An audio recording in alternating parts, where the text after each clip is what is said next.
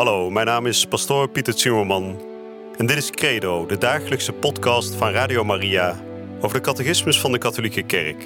Samen dringen we elke dag een beetje dieper door in het prachtige plan van liefde dat God met elk van ons heeft. Laat je inspireren en ga met ons mee op deze avontuurlijke reis door het geloof.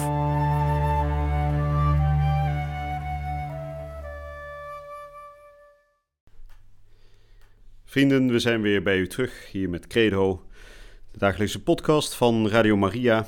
En we zijn, zoals bij de vorige uitzending gezegd, aanbeland bij het artikeltje uit de geloofsbeleidenis dat gaat over de menswording van Jezus Christus. En dan meer specifiek die ontvangenis van de Heilige Geest, geboren uit de Maagd Maria. We hebben gehoord dat het feit dat Jezus is geboren uit de Maagd Maria betekent dat hij echt mens is dat dat niet een soort schijnwerkelijkheid is, maar dat hij werkelijk waarachtig mens is geworden. Maar zonder zijn goddelijkheid te verliezen, want we weten namelijk dat hij geen biologische vader heeft, maar dat de Vader in de hemel door de Heilige Geest de Heilige Maagd Maria zwanger heeft gemaakt van God zelf. En we gaan vandaag spreken over hoe dat kan. Maria heeft de Heilige Geest in haar schoot ontvangen. En we geloven dat Maria de onbevlekte ontvangenis is. Dat betekent dat zij nooit zonde heeft gekend. En die twee geloofswaarheden zijn nauw met elkaar verbonden. We gaan daar vandaag over spreken.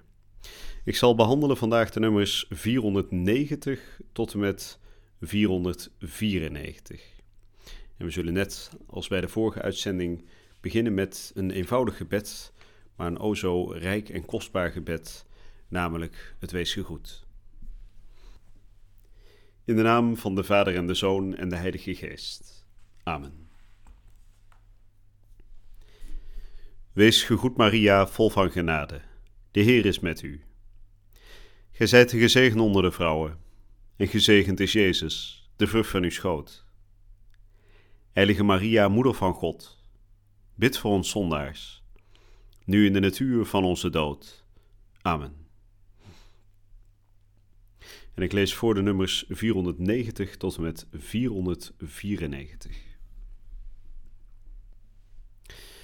De onbevlekte ontvangenis.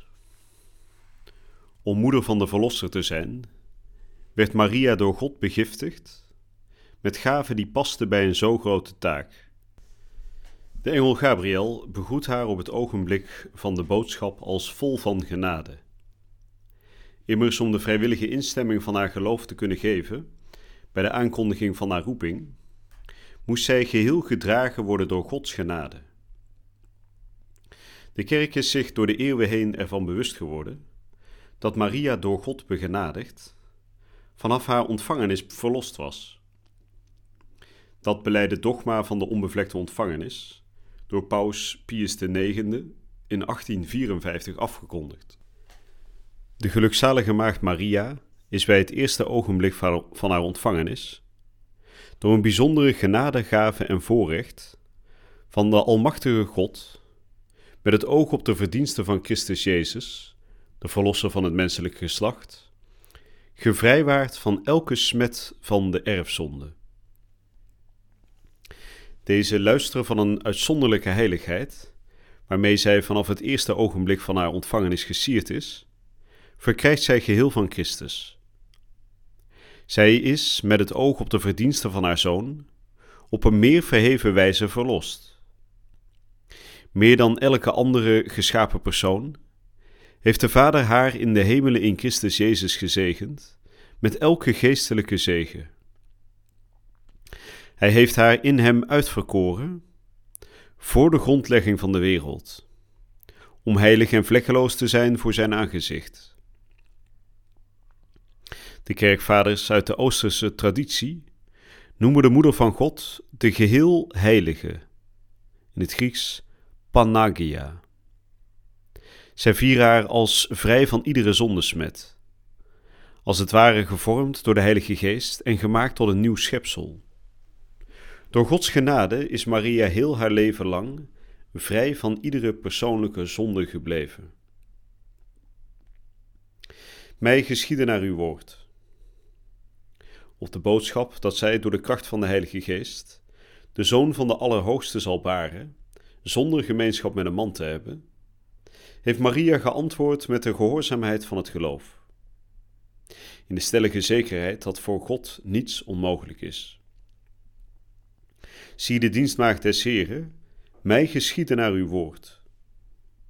Zo werd Maria door in te stemmen met het woord van God, moeder van Jezus, en, door met geheel haar hart de goddelijke helswil te volgen, zonder dat ook maar een enkele zonde haar weerhield, leverde zij zich geheel over aan de persoon en het werk van haar zoon, onafhankelijk van hem en samen met hem, door Gods genade, het mysterie van de verlossing te dienen. Zoals de heilige Irenaeus zegt, door haar gehoorzaamheid is zij oorzaak van het hel geworden, zowel voor zichzelf als voor de gehele mensheid. Ook zegt een niet gering aantal oude kerkvaders met hem: De knoop van Eva's ongehoorzaamheid werd ontward door de gehoorzaamheid van Maria. Wat de maagd Eva heeft gebonden door haar ongeloof, heeft de maagd Maria ontbonden door haar geloof. Maria met Eva vergelijkend noemen zij Maria de moeder van de levende.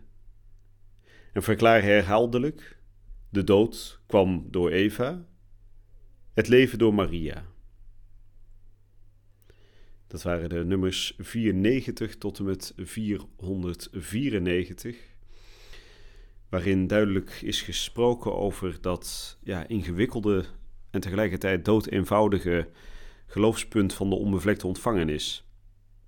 Ingewikkeld, want ja, hoe kan het inderdaad dat Maria geen zonde heeft gekend als de verlossing nog geen feit was? We weten natuurlijk alleen maar door de kruisdood van Jezus Christus kunnen wij verlost worden.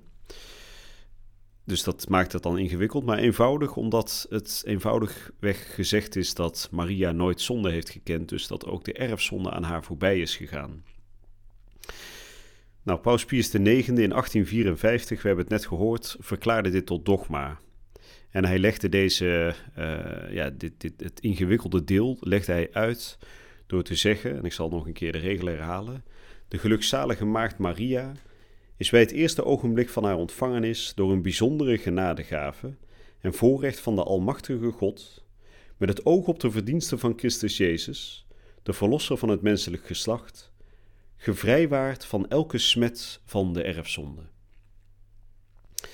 Paus Pius IX die bevestigt hier iets wat al eeuwen een gedachte was in onze kerk. Dus het is niet dat hij dat pas in 1854 heeft uitgevonden als gedachte.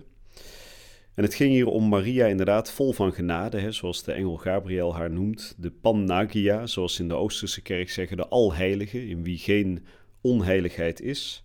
Ze is gevrijwaard van de zonde. En dat betekent dat de kruisdood van haar zoon al als het ware in het vooruit naar haar toe heeft gewerkt.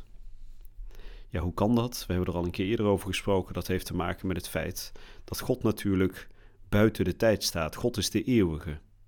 En op het moment dat Jezus, de Zoon van God, mens wordt, treedt de eeuwige, de tijdelijke realiteit binnen. Maar omdat God natuurlijk Alpha en Omega is, hij, bevat, hij omvat het begin en het einde, is het voor God mogelijk om dus blijkbaar Maria al te laten delen in de kruisdood, in de verlossing, nog voordat Jezus op de aarde is. want ze is zonder zonde al in de schoot van haar moeder, van Anna, van de heilige Anna.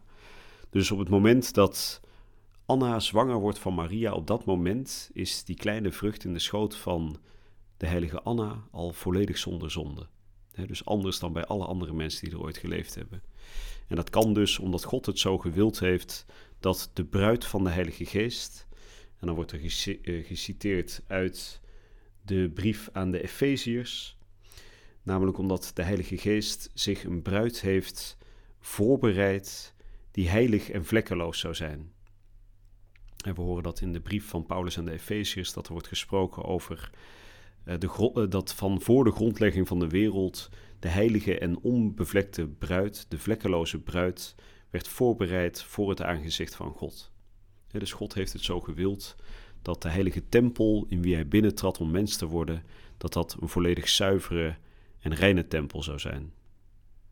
En daarom wordt Maria ook vaak met verschillende beelden uit het Oude Testament vergeleken, bijvoorbeeld de ark van het verbond, Maria wordt zelf wel eens genoemd de ark van het verbond, omdat in haar het nieuwe verbond tot stand wordt gebracht. En ze wordt ook wel eens genoemd de tabernakel van God. Ik vind dat altijd een prachtige benaming. Voor de mensen die dat niet weten of dat woord niet kennen, tabernakel betekent letterlijk tent in het Hebreeuws. En het tabernakel is de gouden kluis waar de heilige hosties worden bewaard in de kerk. We geloven dat in de heilige hostie Christus zelf aanwezig is. We zullen daar uh, in volgende uitzendingen zeker nog op terugkomen. En Maria is dus als het ware de kluis in wie Christus kan opgroeien, Christus mens kan worden. Dus Maria is de tent, de woontent waar God woont, de heilige tempel van Jeruzalem, in hoogst eigen persoon. Nou, prachtig beeld van Maria. En we hebben vandaag dus gehoord dat ze zonder zonde is ontvangen. Ze heeft nooit de erfzonde gekend. En vanuit die zondeloosheid heeft ze ook op een volmaakte manier meegewerkt aan dat helsmysterie van God. Dus het ja van Maria tegen de engel is ook een heel logisch ja, want zij heeft volledig geloofd in de belofte van God dat inderdaad hij mens kon worden in haar schoot. Nou, we gaan hier de komende uitzendingen nog verder over spreken. We gaan in de volgende uitzending spreken over wat betekent het dat Maria moeder is. We gaan het hebben over het goddelijke moederschap van Maria. Maar voor nu wens ik u een hele goede en gezegende dag toe. Je luisterde naar Credo, de dagelijkse podcast van Radio Maria over de catechismus van de Katholieke Kerk.